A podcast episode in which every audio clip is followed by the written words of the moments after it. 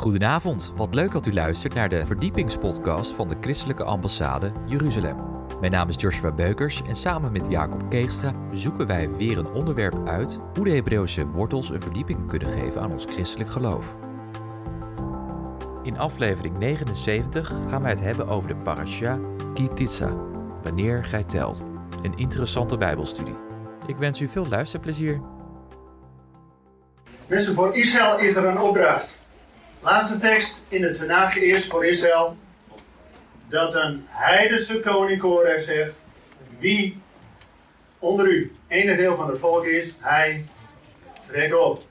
En dat is geen vrijblijvend uh, gebeuren, dat is een opdracht. Weet je wat de opdracht voor ons is? Breid uw tentpinnen uit. Weet u, God heeft visie. Nou, wij nog. Ja, nog. Dat is goede hoop. Dat is goede hoop. Mensen, um, de vorige keer had ik u beloofd, toen had ik het uh, gesproken over dat God zijn volk wil zegenen met drie dingen. Met koren, met wijn en met olie. Koren, brood voor het hart, maar natuurlijk ook de geestelijke les, het levende manna, Yeshua, die van ons leef toch voor onderweg is. Ik had u beloofd, dan gaan we het nu hebben over de wijn en de olie. Maar u weet hoe het zit met die wijn. Hoe langer in het vat, hoe beter dat wordt. Dus dat komt nog.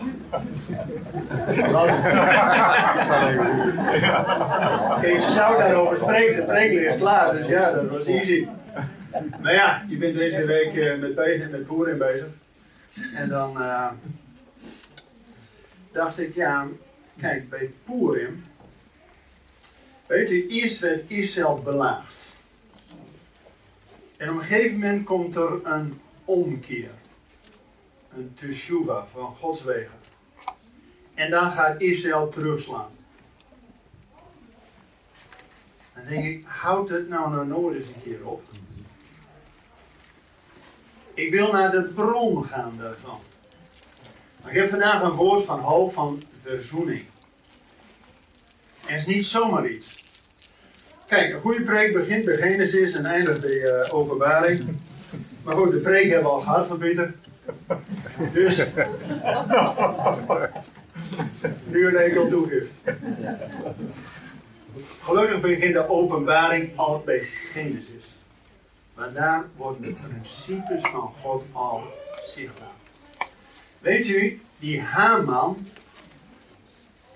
in het boek Esther was een Agagiet. Zijn vader heette Hamadata. Zegt je niks. Mij ook niet. weet, u, weet u wat dat betekent, Hamadata? Alles vernietigen. Oh. Nou, dan komt die tekst even nabij, hè? Logisch dat die zoon niks anders kan doen dan vooral de gezegende des Heeren even lesje leren. Maar Haman was een Agagiet. En Agag was de koning van Amalek. Waar Saul al uh, zijn koningschap door verloor. Hè? Gewoon heel simpel. Hij was niet getrouw aan het woord van God. Ik denk, nou, dat komt wel een beetje, hè. We pakken de bezittingen en dan komt het allemaal wel goed. Met de god op een akkoordje gooien, hè. Je kent het wel. Halve been in de wereld, halve in de, in de hemel en ondertussen helemaal fout. Maar, ah, uh, sorry, Aga was de koning van Amalek.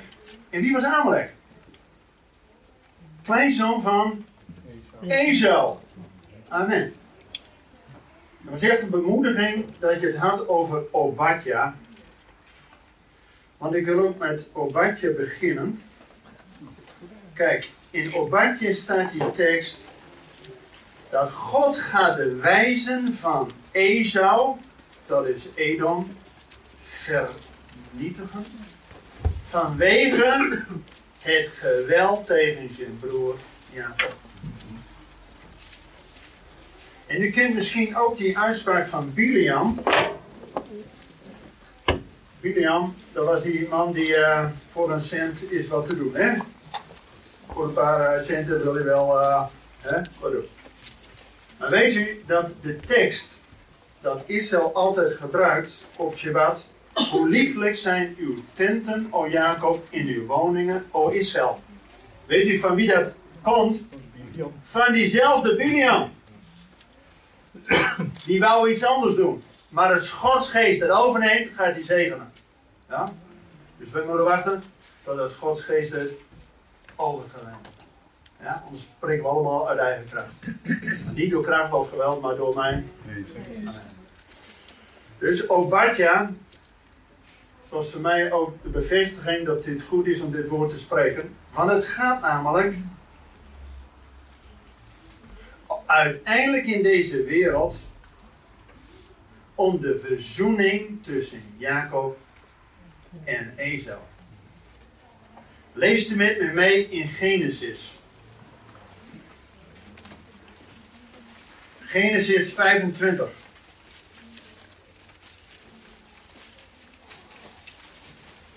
Genesis 25. En dan lees ik vanaf vers 21.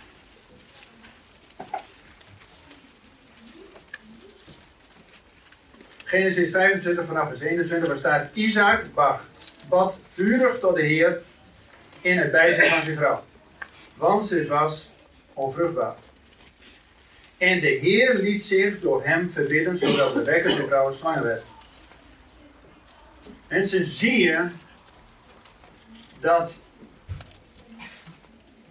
er in het leven van Abraham, Isaac en Jacob drie keer onvruchtbaarheid was en drie keer een goddelijk wonder van de geboorte.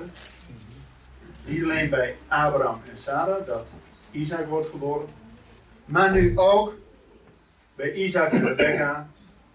En dan komt er twee, een tweeling. De kinderen stoten in haar lichaam tegen elkaar. Toen zeiden zij, dat is Rebecca, als dit zo is, waarom overkomt mij dit? En ze ging de heren raadplegen. Zo mooi hè, als je wat overkomt kun je wel denken, nou ja, zij gaat ermee naar de Heer. En de Heer zei toen tegen haar, twee volken zijn in uw schoot. En twee naties zullen zich uit uw lichaam van een scheiden. Het ene volk zal sterker zijn dan het andere, en de meerdere zal de mindere dienen. Mensen, dit is niet alleen maar een leuk verhaaltje over de geboorte van Jacob en Esau. Hier zit profetisch de wereldgeschiedenis in. Tussen twee volkeren. één die gezegend wordt. En één die het nog moet leren om de minste te zegenen. Mooi eens kijken. In Genesis 27. Dan heeft Jacob net de zegen van Isaac ontvangen. En je weet hoe dat ging. Rebecca hoort het verhaal dat Isaac tegen Ezo zegt van nou, wat tijd dat ik jou ga zegenen. Dus ga wat wildbraad voor me maken. En dan zegt Rebecca tegen Jacob, ho. Want zij wist wat de belofte van God was. Hè? Het leek net of als Isaac dat allemaal vergeten was. Maar Rebecca, een van de vier aartsmoeders. Trouwens, als je de naam Israël is ontstaan door de drie aartsvaders en de vier aartsmoeders. Als je hun namen bij elkaar zet, vormt de naam Israël. De I van Isaac en Jacob, de S van Sarah, de R van Rachel, de A van Abraham en de L van Lea. Dus die zeven in totaal, de drie aansluiten, vier aansmoeders, vormen met z'n zevenen Israël. Zie je? Oké. Okay. Gaan het zo over hebben. Want als Jacob met die kleren van Esau aan, veel hè, je weet het wel hè, met die kleren van Esau aan, dus vermomd komt hij bij zijn vader. Logisch dat hij staat te shaken en zegt, oh. Maar zijn moeder had hem gestuurd, hè? Oké. Okay. Weet wat de belofte van de Heer. En dan krijgt Jacob die zegen. En uur later komt Esau. Nou lezen we in Genesis 27, vers 37. Genesis 27, vers 37. En Isaac antwoordde en zeide tegen Esau: Zie, ik heb hem, dat is Jacob, heerser over jou gemaakt. Dat was al voor de geboorte door God gezegd, hè? De meerdere zal de mindere dienen. En al zijn broers heb ik hem als dienaar gegeven. Ik heb hem koren en wijn voorzien. Niet alleen het volk, maar ook koren, wijn en olie hier al bij de zegen. Wat kan ik nog voor jou doen, mijn zoon? Daarop zei Esau tegen zijn vader: Hebt u alleen maar deze ene zegen, mijn vader? Zegen mij, ook mij, mijn vader. En Esau begon luid te huilen. Toen antwoordde zijn vader Isaac en zei tegen hem: Zie, van de vruchtbare streken van de aarde zal je woongebied zijn, en van de dauw van de hemel van boven, van je zwaard zul je leven, en je broer zul je dienen. Maar als je tot macht komt, zul je zijn juk van je nek afrukken. In de MBG-vertaling, die de meeste van ons toch wat nader aan hart ligt, daar staat ver van de vruchtbare streken zal een woonplek zijn. En wanneer gij uw zwaard gebruikt en u krachtig inzet, zult u van de juk van Jacob afleggen. Dat is een iets andere vertaling. Ik vind dat zo vreemd, hè? Dat Esau hier gezegend wordt door Isaac, hè? Vader van de belofte. Met een zegen die puur de oude natuur bevestigt. Je eigen zwaard, wanneer je krachtig inzet, zul je het juk van de gezegen afwerpen. Dus eigenlijk wordt hier door Isaac notabene de oude natuur van Esau bevestigd. Want weet u, Isaac was dol op wildbraad. En Jacob was herder, schaapherder. Wat is het verschil? Een schaapherder heeft schapen. Als je die slacht, doe dat koosje. Maar als je gaat jagen en wildbraad, wat gebeurt er met dat vlees? Als je iets in de natuur wilt uh, weet, schiet, dan verstik je het bloed. Maar je gaat daar, als je het uh, gejaagd hebt en geschoten, dan pas thuis ga je het slachten. Dan is dat bloed al lang verstikt. En wat zegt de schrift? Zelfs voor ons als goyim, die uh, door het geloof erbij mogen, vier dingen doen we niet. Afgoderij, het verstikte van bloed. Dus juist wat die Esau deed, en Isaac propageert, hè, met je zwaard en uh, jagen, wildbraad, wow, Isaac van, uh, helemaal dood toch? Maar het was niet wat God bedoelde. En dat vind ik zo gek, hè, dat hier in wezen die twee volkeren, de gezegende, Jacob, en Esau, die zijn eerstgeboorterecht gewoon verkwanselt, wel berouw heeft, maar niet tot één keer komt, wel blijft huilen, en eigenlijk bevestigd wordt in zijn oude natuur. Heel vreemd. En dan natuurlijk de beroemde passage van Genesis 32. Dat Jacob na 20 jaar bij Laman 20 jaar, hè? Wat zou dat voor profetisch vergezicht zijn? Zou dat iets te maken hebben met die 2000 jaar die we nu al gehad hebben? Dat Yeshua als zoon van Israël op het punt staat om terug te keren. Dat van de week hadden we Bijbelstudie in Zwolle. dat koning David die gaat op een gegeven moment vluchten voor Absalom. Ga je over de Jordaan. En dat is Absalom, je weet hè? dat is haar, hè? Ja, maar hoe zit dit? Ja, dan wordt het nog En dan sturen bode van heel Israël bode naar ja, David van kom je terug. Maar Juda nog niet. En dan zendt David zelf boden uit. Tot Juda. Bent u de laatste die uw koning verwelkomt? En dan komt Juda als één man bij Gilgal bij de Jordaan om koning David welkom te heten. Mensen, dat is zo'n profetische woord. Wanneer Juda de Joden bij Gilgal besnijdenis, maar dat is natuurlijk dezelfde als Golgotha, besnijdenis niet van het lichaam, maar besnijdenis van het hart, als ze gezamenlijk bij de Jordaan staan om hem over die andere Jordaan te helpen. Dan komt de Messias. Ja, ook hier. Nou staat dus bij de Jabok, dat is een zijtak van de Jordaan, daar komt dus Jacob na twintig jaar terug. En dan vers 23, het slot.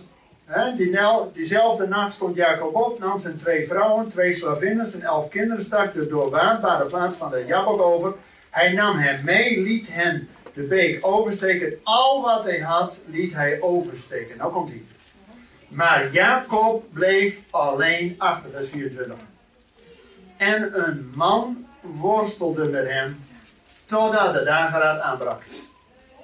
Toen de man zag dat hij hem niet kon overwinnen, raakte hij zijn heupgewricht aan, zodat het heupgewricht van Jacob opricht raakte toen hij met hem worstelde. En hij zei, laat mij gaan, want de dageraad is aangebroken. Maar hij zei, ik zal u niet laten gaan, tenzij gij mij En hij zei tegen hem, wat is uw naam? En hij antwoordde, Jacob.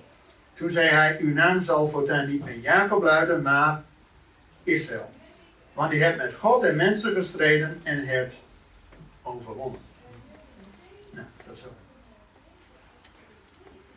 In de Talmud, en ook in Hosea 12, wat we straks gaan lezen, staat dat die man die met Jacob worstelt, een engel van God is. Hosea 12. En in de Talmud staat, dit is hoogstwaarschijnlijk de beschermengel van Esau de Sar Esau. Daar zit wel wat Want wanneer Jacob, en die komt natuurlijk in de nacht, hè? en wanneer de dageraad wordt en de week, dan verdwijnt. Maar wanneer Jacob dat gevecht met die man, en in het natuurlijke zit er altijd een geestelijke dimensie, ziet hij met die beschermengel van Esau dat doorworsteld heeft, dan is de volgende dag Esau poeslief. Ja. Waarom? Omdat in dat gevecht tussen Jacob en die man, die engel, engel van God, ja, Elohim staat er, een goden. Dat kan dus ook heel eenvoudig de beschermengel van Esau zijn.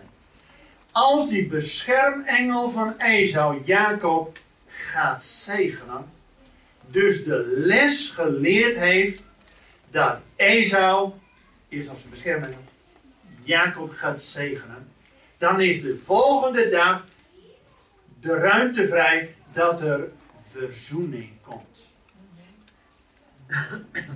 En mensen, Purim is nog voor Pesach. En Purim, als Israël bedreigd wordt, en dan de rollen omkeren. Voordat je weet, word je van slachtoffer, word je tot dader. Maar je hebt Pesach nodig. En sterker nog, je hebt grote verzoendag nodig. Want weet u wanneer het verhaal gelezen wordt van de verzoening tussen Jacob en Esau? Op Yom Kippur.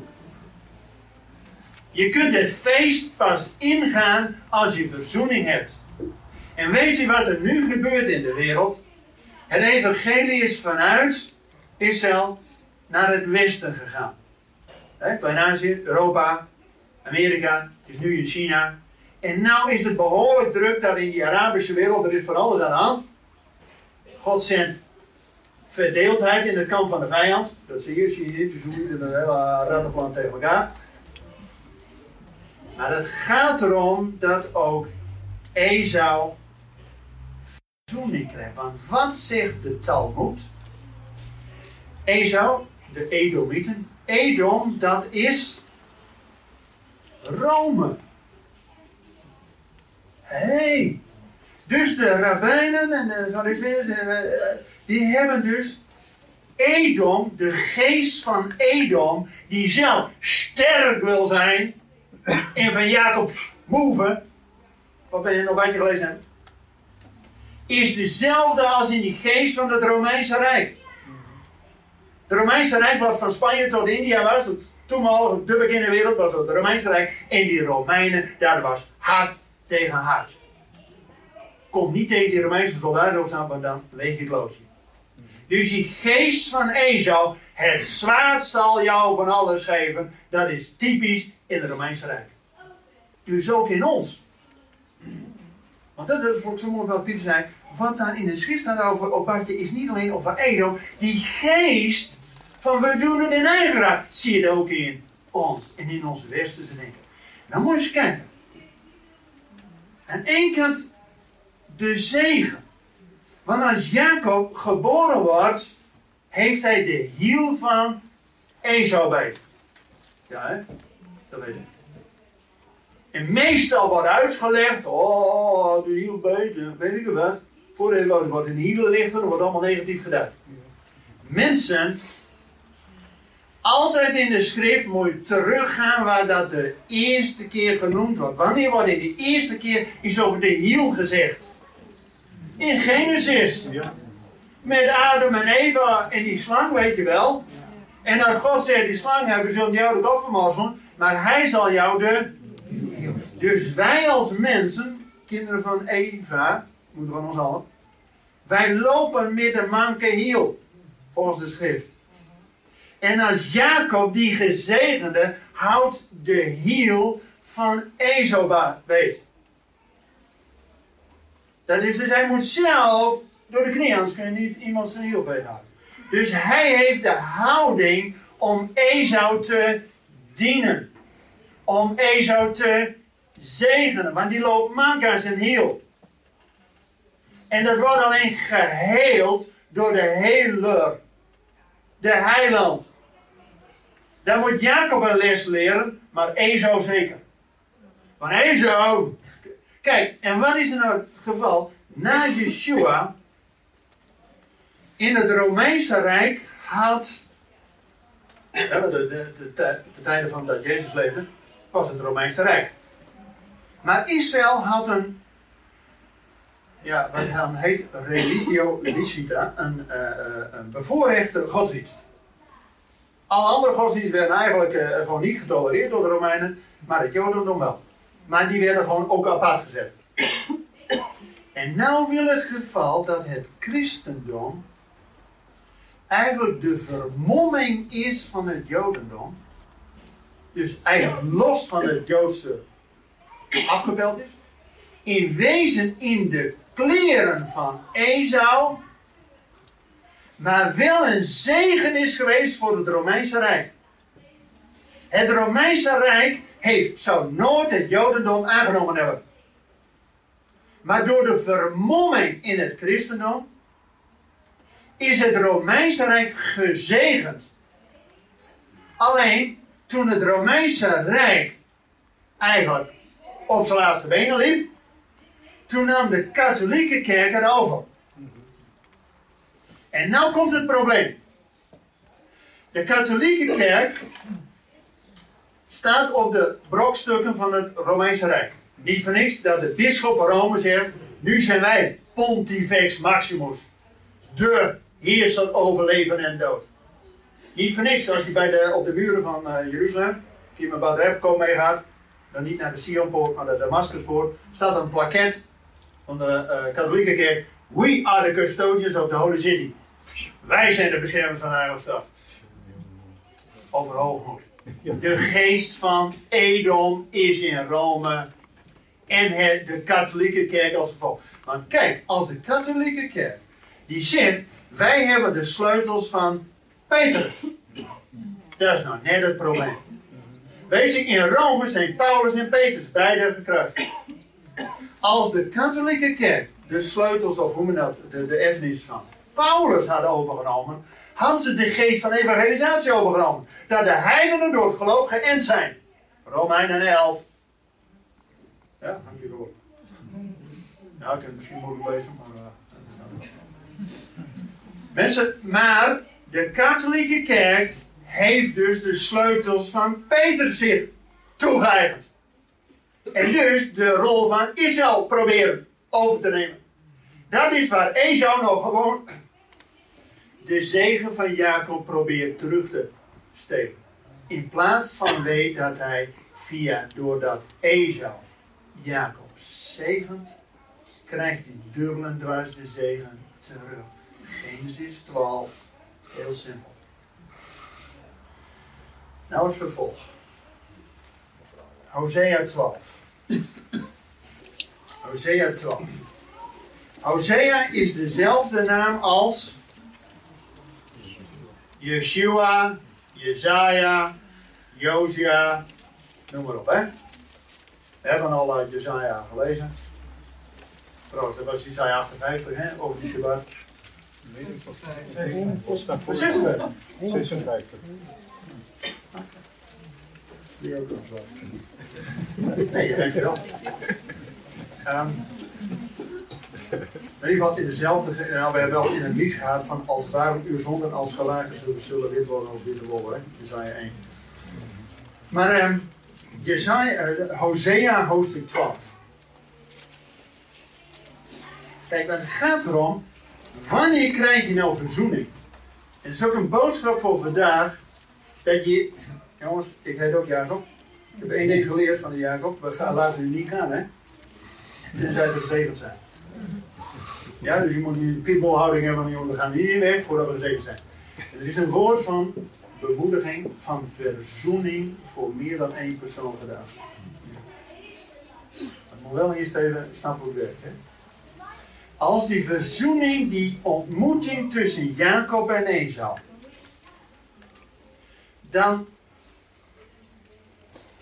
zien ze elkaar aangezicht in ze huilen. Er komt verzoening als Jacob de tranen van Esau droogt. Want Esau heeft ook wat meegemaakt. Je zult al de eerste zijn en niet de eerste geboorterecht krijgen. En wanneer Esau leert om Jacob te zegenen. En er staat er in Genesis 32, dan zegt hij, dan de volgende dag, Esau komt met 400 man, hè, 400 dat is een taf, hè, alles wat er is, hè. Dan komt, oeh, groot en sterk, hè, Esau, hè. En dan hij, oh, we gaan samen naar uh, vader Isaac.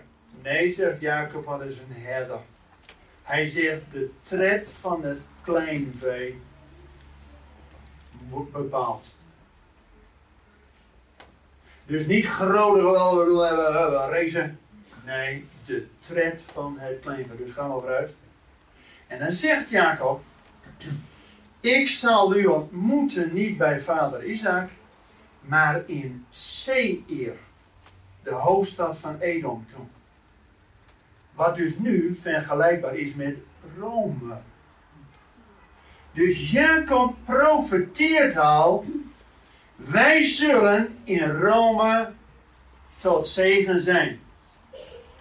Vandaar dat het christendom de vermomming is van het jodendom om tot zegen te zijn voor het Romeinse Rijk. Alleen de katholieke kerk heeft het niet gepakt, of het verkeerde gepakt. In zichzelf.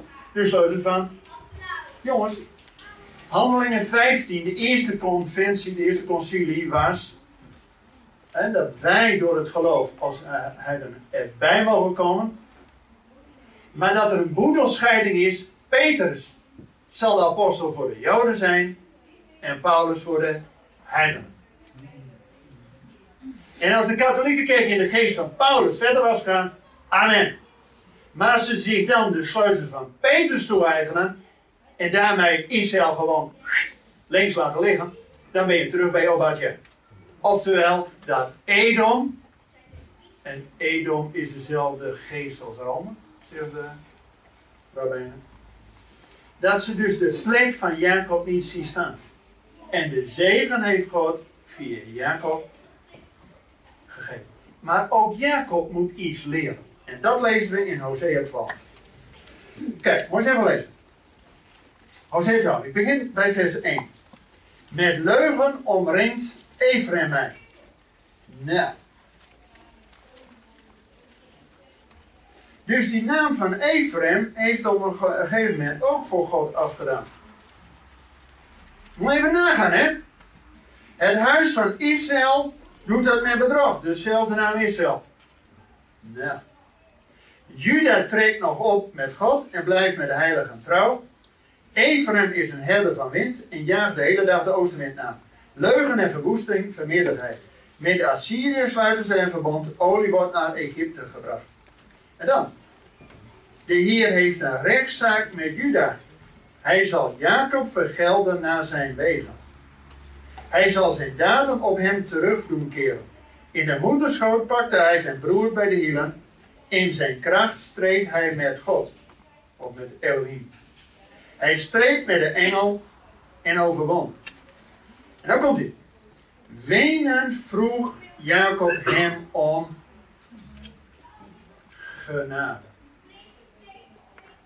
Weet je waar God niet tegen kan? Dat je hem bidt om genade. Want dan raak je God in het hart. Dan kan God niet meer zeggen, dan raak je hem op zijn kern. Maar God is genade. De kern van de zegen is nog steeds het centrum genade. Dus wanneer je het hart van God wilt raken, kun je alleen een beroep doen op zijn genade. En dat heeft Jacob hier begrepen. Kijk. Vers, even kijken. Uh, vijf. Hij streed met een engel en overwon. Wenen vroeg hij God om genade. In Bethel vond hij God. En daar sprak hij met ons, namelijk de Heer, de God van de legermachten. Heere is zijn naam. En dan komt de opdracht. Bekeer u tot God. Houd u aan goede tierenheid en recht en zie voortdurend uit naar uw God. In de NBG-vertaling staat: behoud liefde en recht en wacht bestendig op uw God. Dus even samenvatten. In Hosea 12 heeft de naam van Ephraim afgedaan voor God. In stam. Zelfs Juda, twee stam. Zelfs de overkoepelende naam van Israël heeft afgedaan. En dan begint God opnieuw met zijn volk. Door het te noemen bij de naam Jacob. En dan denk je, dat is toch de heel vast hier. Weet u dat hier een omkering is gebeurd? En al die eeuwen tussen Genesis 34 en Hosea 12. Dat Jacob ook iets geleerd heeft. Dat hij niet meer de hiel van Esau, dat betekent de wereld, het Romeinse Rijk, de wereld, en probeert die wil liggen. Maar dat hij de hiel van de Messias vasthoudt. Wat Paulus zegt, volg mij na zoals ik Christus navolg. En als je iemand de Messias wilt volgen en zijn hiel wilt vastpakken, moet je zelf door de knieën. Maar dan heb je een hiel vast van een geheeld iemand. De Ben Adam, waarvan Adam hè, door de zondeval de hiel gebroken was. Dan krijg je een geheelde van de nieuwe schepping. En Jacob en Esau, Esau sorry, beeld van de oude mens, die gezegend wordt en gesterkt wordt in zijn oude natuur. Of Jacob die gezegend wordt door God. Maar pas als Jacob ook iets geleerd heeft. dat wanneer Jacob gaat strijden en Esau probeert ook Esau hielen te lichten, maar wanneer hij met God in encounter komt en alleen maar een beroep kan doen op de gezet, de genade van God, dan krijgt hij de volle zegen. Want dan spreekt hij te Bethel tot hem. En Jacob zal uw naam zijn. Hij die de hiel van de Messias vasthoudt. Weet u, in Romeinen 11, zoals hier uh, voor, daar staat dat Israël een aantal takken zijn weggebroken om die wilde takken ertussen te houden. Dat Israël een stukje is gevallen tot zegen voor ons. Maar wat zal zijn aanneming anders zijn dan leven uit de dood? Als een klein beetje van Israël ons al tot zegen is geweest. Als Jacob met de kleren van Esau aan tot zegen voor het Romeinse Rijk voor ons is geweest, hoeveel te meer als Jacob zijn werkelijke identiteit leert. Amen. En wanneer ook Esau, dat is Rome, Romeinse Rijk, dus ook wij, geleerd hebben om Jacob te zegenen. Wanneer de katholieke kerk, maar ook het protestantisme en alle antisemitisme erbij, Mensen, er is een hoop uh, vervangingstheologie. Als wij geleerd hebben om in de geest van Paulus het evangelie te brengen, maar de sleutels van Petrus aan Israël te laten. Betekent, wanneer Esau geleerd heeft om Jacob te zegenen, dan wordt hij zelf dubbel en dwars gezegend. En weet u, als je het evangelie in het Nieuwe Testament van de vier evangelie, dan is het eerstvolgend is de handelingen die begint bij Jeruzalem en eindigt in Rome, in C-eer. Want het evangelie gaat de wereld door en wanneer komt het tot een voltooiing? Wanneer het evangelie weer back to Jerusalem is. En nou zie je helemaal dat die Arabische wereld, dus Ismaël en de Edomieten, de nakomen van Ismaël en de nakomelingen van Edom, uh, Als die allemaal nog aan de reboelie mensen, er moet nog een geest van verzoening in inkomen. Dat Israël de tranen van Esau droogt en Esau leert om Jacob te zegenen. Zo zeven jaar gebeden hebben dat communisme zou vallen. Toen zijn er wel anderhalf miljoen Joden uit het communistische blok weggehaald om naar Israël te gaan. Zo bidden we ook al jaren dat de geestelijke waan zodanig gebroken wordt dat de individuele geloven ja, de mogelijkheid krijgen om te weten wie de God van Abraham, Isaac en Jacob is. En weet u, Abraham, Isaac en Jacob. Isaac is voor mij toch altijd de persoon van de zoon, hè? Van, van het beeld van Jezus, dat hij ook het offer. Maar ook Isaac moest nog wat leren. Dat hij notabene zijn zoon Esau zegelt met eigen de oude natuur. Mensen, Stop er nou toch mee. Als wij verzoenend te werk willen gaan, moet je niet het oude leven alleen maar bespoedigen en, en zegenen. Nee, wij moeten dus wachten, niet door eigen kracht of geweld, maar door de geest van God. En die geest leidt ons tot verzoening. En dat gaat alleen via de genade. Want als we straks gezegend worden, ik neem aan dat we gezegend worden. Je weet de zegen van God, hè? Heeft maar 15 woorden. En het precies in het centrum is genade. Dus dan heb je een volheidszeugel links en heb je een volheidszeugel rechts.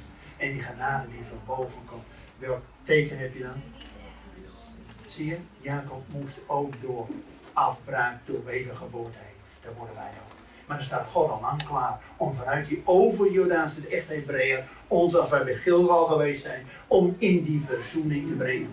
Dat dacht kan nog een uur over doen we niet. Jongens, we gaan weer.